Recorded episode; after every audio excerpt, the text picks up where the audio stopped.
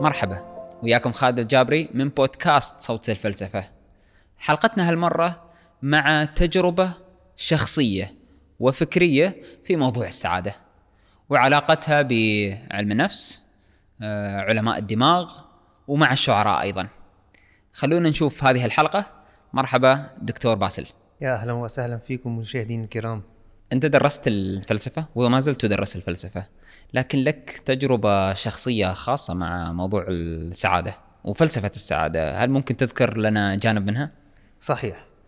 طبعا ما من فلسفة إلا ما من فيلسوف من الفلاسفة إلا وتناول مفهوم السعادة. بطبيعة الحال عندما تدرس الفلسفة ومفهوم السعادة فلسفيا شيء وعندما يرتبط هذا المفهوم بالواقع شيء آخر مختلف تماما.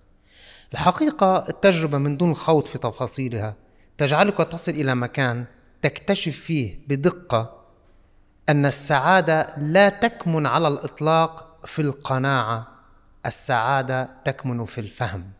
بمعنى إذا كنت مقتنعا أن هذا حظي من الحياة فهذه ليست سعادة. لكن عندما تصل إلى مرحلة من الفهم تدرك بموجبها أنني لا أستطيع أن أتخطى مجموعة من الحدود التي رسمتها لنفسي من خلال سلسلة طويلة من السنوات السابقة التي عملت عليها عندها أتوصل إلى فهم السعادة ضمن هذه الحدود. بمعنى أوضح وأبسط أنا أتحدث دائما وهذه هي التجربة الشخصية عندما قرأت عددا كبيرا من الفلاسفة المختصين السعادة رغم اليأس. بمعنى آخر سألت نفسي سؤالا كبيرا هل ينبغي لنا أن نمتلك كل شيء لكي نكون سعداء؟ طيب نحن في كثير من الأحيان نمتلك أمور كثيرة ونطلب الأكثر وبالتالي نفرط في السعادة التي نمتلكها بين أيدينا لكي نبحث عن سعادة مرجوة وهنا مكمن اليأس لذا يجب أن نغتبط دائما بكل ما نمتلكه. لا أتحدث عن قناعة التي تدفعنا في كثير من الأحيان إلى التخلي والزهد لا. أتحدث أحيانا في أحيان كثيرة يكون بين أيدينا أشياء عظيمة. طيب لماذا نتخلى عنها؟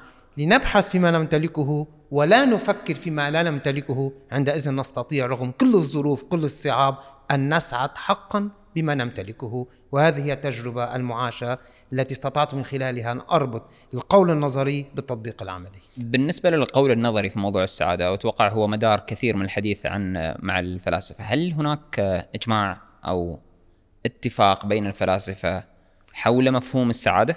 في المبدأ الفلاسفة لا يتفقون. اتفق الفلاسفة على أن لا يتفقوا. لكن في موضوع السعادة نعم نجد في تباينات في النظر إلى زاوية السعادة. لكن من خلال التدقيق والتمحيص نستطيع أن نجد أن مفهوم السعادة بدءا من الفلاسفة اليونان ووصولا إلى فلاسفة العصر الحديث أجمعوا على فكرة مفادها أن السعادة هي الاعتدال. كيف نستطيع أن نعتدل في مأكلنا، أن نعتدل في مشربنا، أن نعتدل في ضبط غرائزنا وشهواتنا إلى آخره، وكيف نستطيع في ظل هذه التقانة التي تجرفنا اليوم أن نكون أيضا في استخدامها معتدلين. نعم إلى حد كبير الفلاسفة رأوا السعادة في الاعتدال، السعادة في عدم الغرق في الملذات أو ما شابه من هذه الأمور. أنت ذكرت عدة مفاهيم مختلفة ممكن حتى مرتبطة بالسعادة. مثل موضوع الرضا موضوع القناعة. جميل. ممكن أذكر حتى مفاهيم أخرى مثل المتعة الشهوة أو الرغبة. كيف علاقتها مع السعادة؟ هل هي علاقة توافق أم تجاذب أم اختلاف؟ حقيقة فلسفيا يجب أن نميز اللذة من السعادة. اللذة ترتبط دائما بكل ما هو جسماني. أما السعادة ترتبط دائما بكل ما هو فكري. بمعنى أوضح وهنا الفارق الدقيق الذي أتمنى من الجميع أن يميزه. اللذة تنتهي بانتهاء الغرض ولا تمتد مع بعده فترة طويلة. آه، ممكن مثال, مثال. أننا تناولنا طعاما وأسرفنا في تناول الطعام. نشعر بلذة. ما بعد اللذة سواء وجع المعدة والانتفاخ أو حتى لذة الطعام ستستمر فترة قليلة وتنتهي. السعادة تستمر لفترات طويلة جدا ولا تنتهي. لذة قراءة متعة أو سعادة قراءة كتاب أو تأليف قصيدة أو كتابة نص فلسفي أو كتابة سيناريو مسرحي. كل هذه الأمور لو قرأتها بعد عشرين عاما ستشعر بالشعور نفسه الذي شعرت به في اللحظة التي كتبتها بها. من هنا السعادة الحقيقية وهذا شبه إجماع من الفلاسفة ترتبط بالفكر. ترتبط بالفكر وبكل ما يرتبط أيضا بمتعة إعمال الذهن والتأمل والتفكر إلى آخره. أما اللذات فهي زائلة وعابرة ولنا في ذلك أمثلة كثيرة لن نخوض بها الآن. لكن فعلا السعادة الحقيقية هي كيف تستطيع أن تؤسس معرفة لنفسك مستمرة لا تزول؟ كيف تستطيع أن تتأمل فيما خلقه الله من جمالات ولا تفنى ولا تستنفد بخلاف اللذات التي هي عابرة وتتوقف عند حد معين. الحديث على أن هناك الفلاسفة اتفقوا على موضوع مفهوم أن السعادة مفهوم فكري مفهوم أو حتى متعة آه، فكرية. صحيح. ممكن يعترض عليه آه، بأن كثير من الفلاسفة لم يكونوا سعداء بعضهم انتحروا. بالضبط. وعندنا قول شائع أن ما في ليس ليس هناك سعيد بين الناس إلا الشخص خلينا نقول الأحمق أو الأبله عذرا. صحيح. آه وأن كل ما الشخص كان أذكى كلما ازداد همه وغمه. فأحس في تجا... تنافر بين هذه الفكرتين. فكرة أن السعادة هي عملية فكرية إذا أو ذهنية وبين أن الواقع يقول لك أن كثير من الأذكياء هم أكثر الناس قلقا. وكثير من اللي يتمحصون في الأفكار ال overthinking وكثير التفكير هم اللي يواجهون. وكثير من الفلاسفة ما كانوا سعداء. فكيف ممكن تجيب على هذا الاعتراض؟ صحيح. أجيب بنقطتين. كان هناك أحد أشهر الممثلين الكوميديين ذهب في زيارة إلى طبيب نفسي وقال له إنني أعاني من ضغط نفسي حاد. فنصحه هذا الطبيب الذي لم يكن يعرفه بأن يذهب لمشاهدة مسرحيات فلان الفلاني. قال له أنا فلان الفلاني. إذا التناقض هنا بين التنظير وبين حياة الشخصية أصبته حضرتك في الصميم لأنه لا يمكن طبعا أن نحكم على الأشخاص برأي متواضع من خلال حياتهم الشخصية بل من خلال النصوص التي يقدمونها. هلأ هذا التعارض أنا يمكن مجبر كفيلسوف على أن أسوغه لماذا؟ لأن تنظير الفيلسوف للآخر ودعوته الآخرين إلى السعادة قد يجد نفسه في مكان ما لم يستطع أن يوصل رسالته أو قد يجد أن الجهود الجبارة التي بناها في سبيل الدفاع عن عقيدته وعن فكرته وعن مذهبه لم تحقق الرواج المطلوب على سبيل المثال أحد الفلاسفة خط كتابا كبيرا جدا أفنى حياته في تأليفه. لم يبع ولا نسخة واحدة. هذا انعكس عليه. وبالتالي أحيانا نعم نقول شتان ما بين النص المكتوب وبين الحياة الشخصية. أه، بس في كثير من الأحيان أيضا واسمح لي على المتابعة في هذه الفكرة أن أن إذا النص المكتوب لم يؤتي أثره على الواقع العملي مفروض نراجع النص المكتوب أو النظرية اللي طرحت. فمرة ثانية الاعتراض على نظرية فكرة أن السعادة مرتبطة فقط بالأعمال الذهنية أو العملية الذهنية. أو التأمل الذهني. أو نعم. التأمل الذهني. هل بإمكاننا مراجعة هذه الفكرة اليوم مع التغير الكبير اللي يحصل؟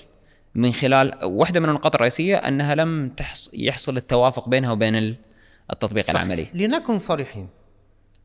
حضرتك عندما وجهت هذا السؤال كان استثناء لأن القاعدة بشكل عام أن القسم الأكبر من الفلاسفة كانوا متجانسين مع أنفسهم.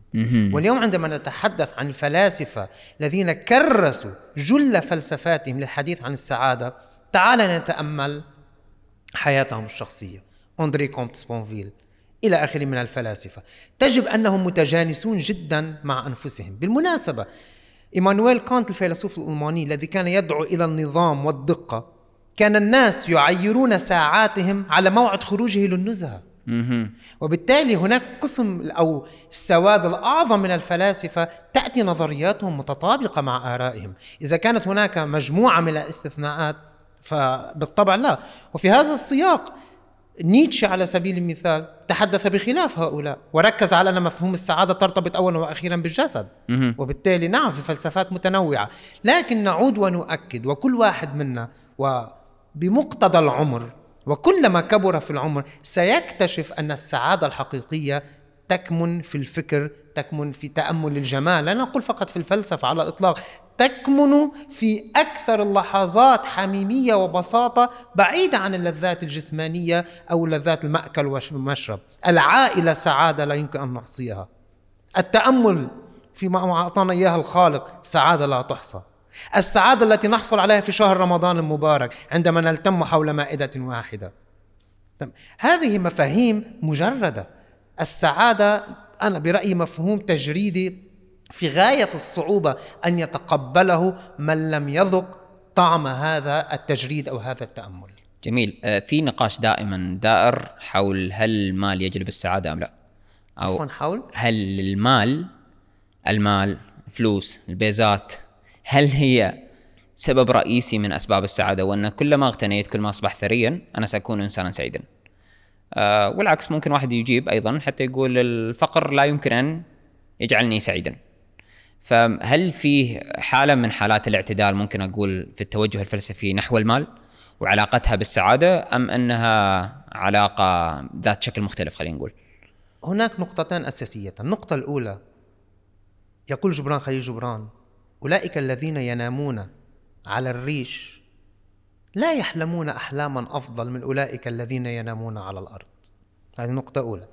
النقطة الثانية في فيلسوف أمريكي معاصر عنون كتابه عنوانا رائعا هل يستطيع المال أن يشتري كل شيء المال يستطيع أن يؤمن لنا الجانب المرتبط باللذات ولا يستطيع أن يشتري لنا السعادة على الأقل رأيي كمتفلسف أو عامل في الفلسفة أو شغيل كما نقول في الفلسفة ربما هناك آراء أخرى نحترمها وقابلة للنقاش. المال لا يستطيع أن يشتري السعادة. يستطيع أن يلبي الاحتياجات نعم. أما السعادة السعادة أيضا في رأيي المتواضع تكمن في التفاصيل الصغيرة التي كل أموال الدنيا لا تستطيع أن تحققها. هل الصداقة تستطيع أن يشتريها المال؟ بل على العكس المال يكشف لنا في أحيان كثيرة زيف الأصدقاء. الصديق الحقيقي أو الذي لا تجده يقف إلى جانبك بسبب المال. هل يستطيع المال أن يجلب لنا محبة الأبناء لنا؟ بل على العكس نجد أن الكثير من المشكلات أحيانا تولد نتيجة الآباء الذين يملكون ثروات طائلة ويفسدون أبنائهم وقص على ذلك الكثير الكثير.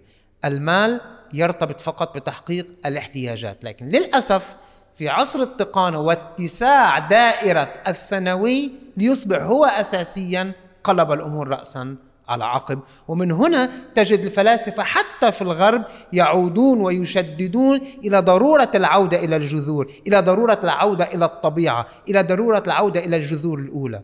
ذهب بعض الناس آه على ما أظن مجموعة من الأمريكيين إلى جزيرة خارقة الجمال في أفريقيا. ووجدوا الناس يعيشون بسعادة كبيرة.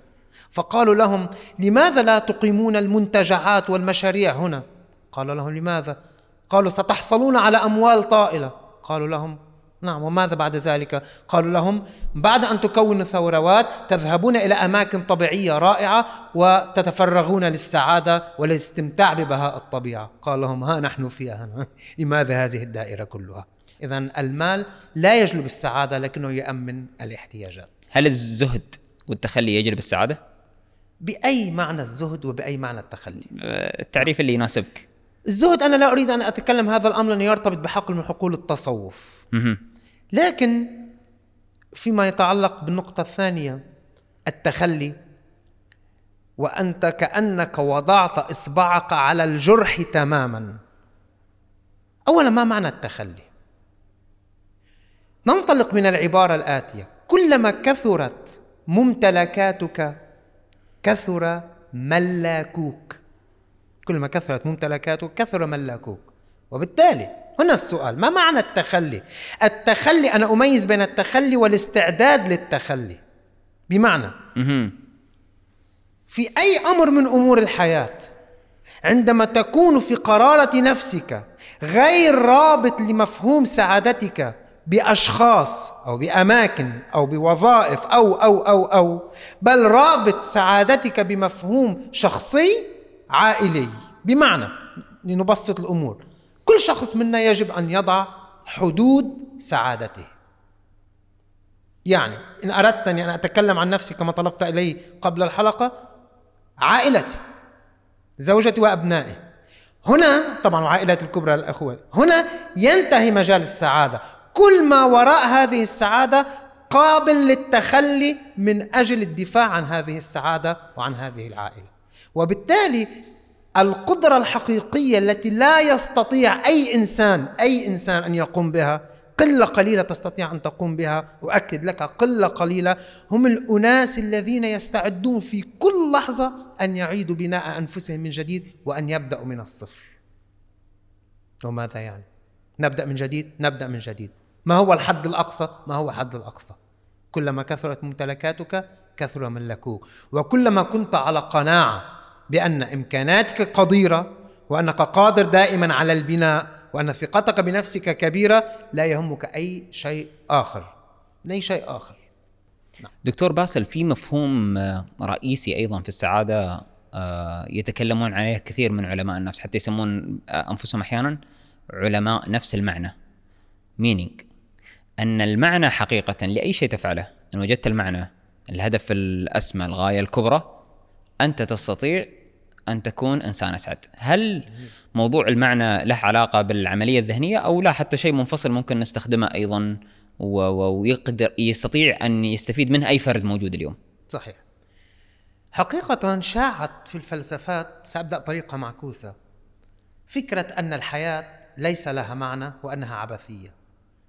إلى أن أتى أحد الفلاسفة وقال نعم حقيقة أن الحياة عبثية ليس لها معنى هذا هو معناها الوحيد وهو الذي يدفعنا إلى العيش.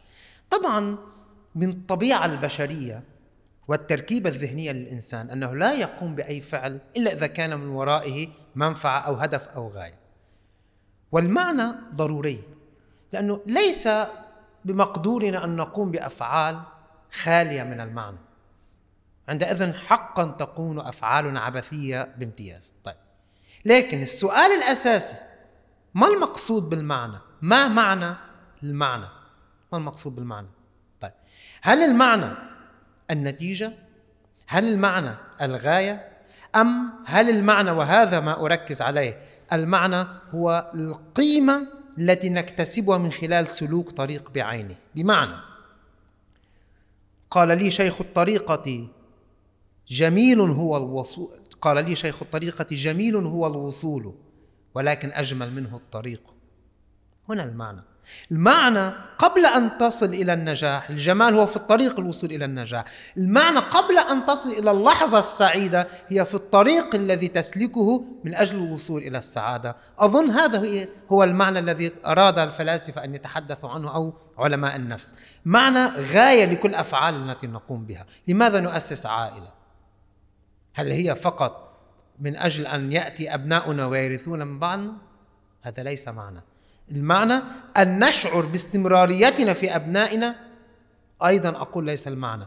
المعنى الحقيقي الذي أراه ضروري المعنى الحقيقي أننا نمتلك قدرة على العطاء ونمتلك قدرة على المحبة ونمتلك قدرة على الحرص والخوف. لا يمكن أن نختبر هذه القدرة المذهلة إلا إذا أصبح عندنا أبناء. نكتشف كم نحن فعلا قادرون على نحن كم نحن فعلا قادرون على العطاء. هل بإمكان الفرد أن يجد المعنى الخاص؟ يعني أنت ذكرت المعنى الخاص لك بما يتعلق بالأسرة. صحيح. لا هذا بشكل عام. اعطيت مثال للتبسيط بشكل إيه عام. نعم, نعم. بشكل عام. نعم. آه، هل يجب على شخص آه لم يستطع أن ينجب أبناء؟ نعم. هل بامكانه أن يكون سعيد؟ ووجد معنى آخر غير المعنى المثال اللي أعطيت عليه؟ سلسلة لا متناهية من المعاني. فنقصد أن الفرد قادر على إيجاد وخلق. بنفسه. مم. هناك من يجد المعنى في العزلة التامة. هناك من يجد المعنى في التفرغ للكتابة. هناك من يجد المعنى في العيش من دون عمل. لكل إنسان يضع معنى ومعيار خاص به. على حسب السلوك. حسب السلوك حسب الذهنية. حسب الذهنية. كل فيلسوف له أو حتى كل إنسان عادي. المنطلق والتربية والطفولة والقراءات كل هذه تساهم في تشكيل الذهنية الخاصة به. كل إنسان له معنى خاص من حياتي أنا لا أستطيع أن أقول لشخص الآن يذهب إلى عمله ويعود من عمله إلى المنزل ويشاهد التلفاز ويقلب صفحات التواصل الاجتماعي. ألومك على ح... بالنسبة إليه هذه هي الحياة وهذا هو المعنى. وحذاري هنا من التحكيمات وإسقاط الأحكام. ليس هناك صواب أو خطأ. هناك المعنى الحقيقي. هناك أشخاص ينفقون يمكن 30 ساعة في النهار من أصل 24 في القراءة والبحث والتعمق هذا المعنى بالنسبة إلي مش هذا صح؟ وهذا خطأ. المعنى بحسب الشخص الذي يضعه. هل الاستهلاك ممكن عند بعض الناس يكون له معنى يوصله للسعادة أو أن الاستهلاك بحكم التجربة والواقع كثيرا ما يكون مضر بسعادة الإنسان الفردية. أو حتى المجتمع أيضا. الفلسفة هي قول الصراحة. ونحن نتفق جميعا أن مجتمع الاستهلاك مغري. وما من أحد يكره المجتمع الاستهلاكي. لنكن صريحين. وهنا نعود إلى ما قلناه في البداية. كيف تستطيع السعادة أن تمنحنا الاعتدال؟ لكن الإسفاف في الاستهلاك أولا يؤدي إلى قطع المعنى. قد تقول لي بكل بساطة أنت قلت قبل قليل أن كل إنسان يضع المعنى بنفسه. نعم. نعم. لكن شرط أن لا يؤدي أي معنى إلى إلحاق الضرر بالمجتمع. لأن إذا كانت حرية الفرد تقف عند حدود الآخر فإن حرية الفرد في وضع المعنى تقف عند حدود المجتمع عندما نتحول من مجتمع رعائي فكري منتج فكريا وثقافيا وحضاريا إلى مجتمع استهلاكي هنا الأفراد أو حتى السياسات وحتى الدول هنا تضر بمصلحة مجتمع ومن شأنها أن تهدم حضارات راسا على عقب. نعم الاستهلاك إذا استمر بهذه الوتيرة سيؤدي حتما إلى انحلال كل حضارة ممكنة، حتما. وبالتالي آه، هناك فيلسوف فرنسي معاصر يدعى داني روبرت ديفور ألف الكثير من الكتب عن مجتمع السوق ويعتبر أن الدين الجديد الذي يحكم بقبضته في العصر الحديث هو ماذا دين السوق؟ يتحكم هو في الناس. لا الاستهلاك يجب أن لا يثنينا عن طلب المعرفة و إلى آخره. هنا أتساءل و, و أسمح لي أن أستعير دور المحاورة أطرح السؤال عليك. ألا تجد أن تراجع نسبة القراءة في العالم بأسره يعود إلى التقانة وتطور وسائل التواصل الاجتماعي وإلى المجتمعات الاستهلاكية؟ ألم تتطور المجتمعات الاستهلاكية إلى حد تطورت فيه استهلاكيا ورأسماليا إلى آخره لكنها تراجعت أخلاقيا ومعرفيا وثقافيا؟ اي فانت تقصد أن هناك علاقة تنافرية بين الإسراف في الاستهلاك؟ نعم.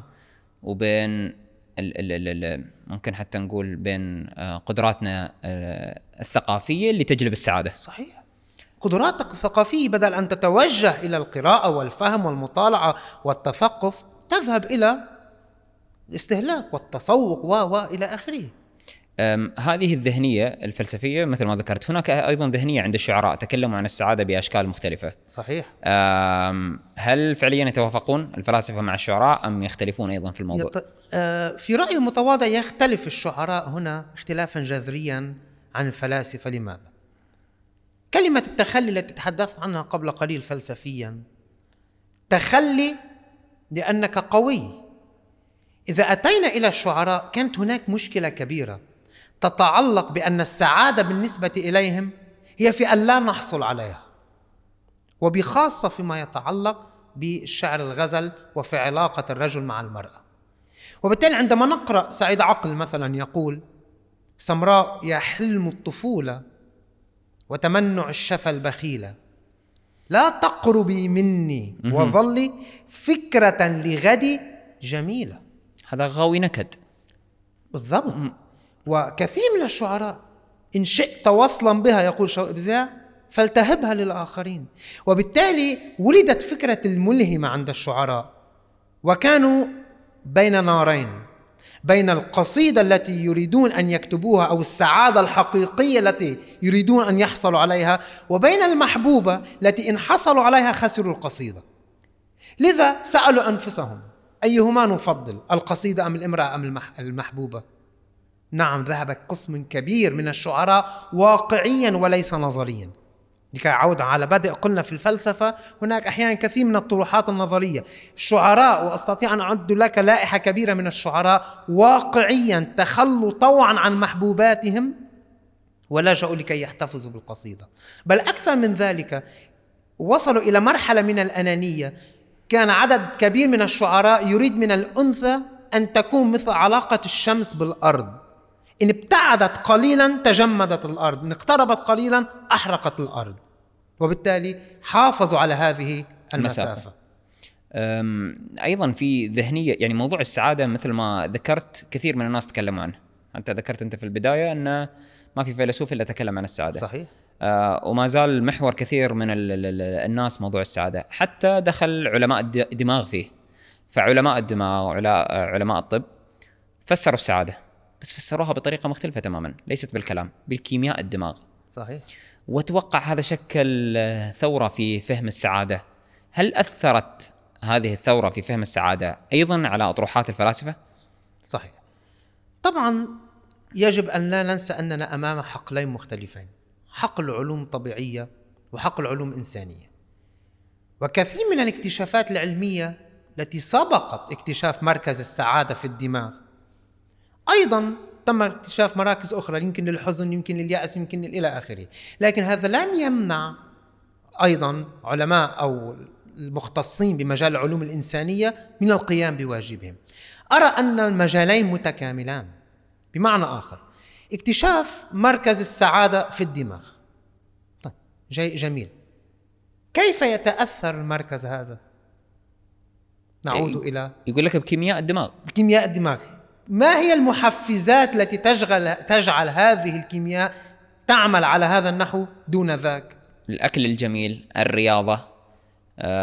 يعني أنا ممكن أعطيك أمثلة ما لها علاقة بأمور ذهنية بحتة. وهل نستطيع أن ننفي الأمور الذهنية الباقية؟ لا لا ننفيها. اذا عدنا عودا على بادئ بحاجة إلى الفلاسفة لكي يقولوا لنا أثر العمليات الذهنية في تحريك هذه العناصر الكيميائية.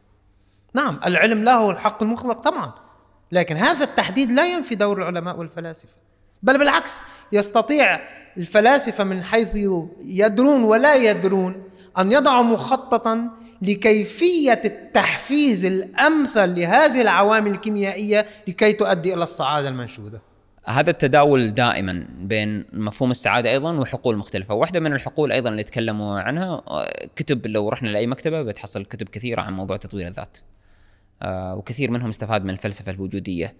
آه، وتغيرت الكتابات وطريقة كتابتها لأسلوب بسيط آه، يقول افعل ولا تفعل. هل هذا أيضا متوافق مع الفلاسفة وطرحهم خلينا نقول النظري العام الكبير؟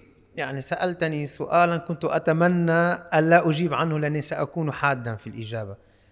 مع احترامي للكتاب لكن هذا النوع من الكتب لا ينتمي إلى الفلسفة وإلى الحقل الفلسفي في شيء. أنت لا تحتاج في علاقتك مع الآخر وخاصه فيلسوف أن يقول لك افعل ولا تفعل وطور نفسك. لا. يكفي أن ترسم الطريق أن تطرح نظرية أن تعرض آراء لكن صيغة أفعال الأمر وصيغة الشرطيه في بعض الأفعال أيضا هذه ليست كتب فلسفية. تطور الذات يمكن أن نضع بعض الملامح سبل لكن هذه ليست بكتب فلسفية، كتب فلسفية تستطيع أن تستعرض آراء، أن تقدم نظريات، أن تشرح نظريات، أن أن أن تنتقد وقائع، لكن هذه الشعارات الكبيرة أنا أقولها وأقولها دائما يجب أن نتخلص منها.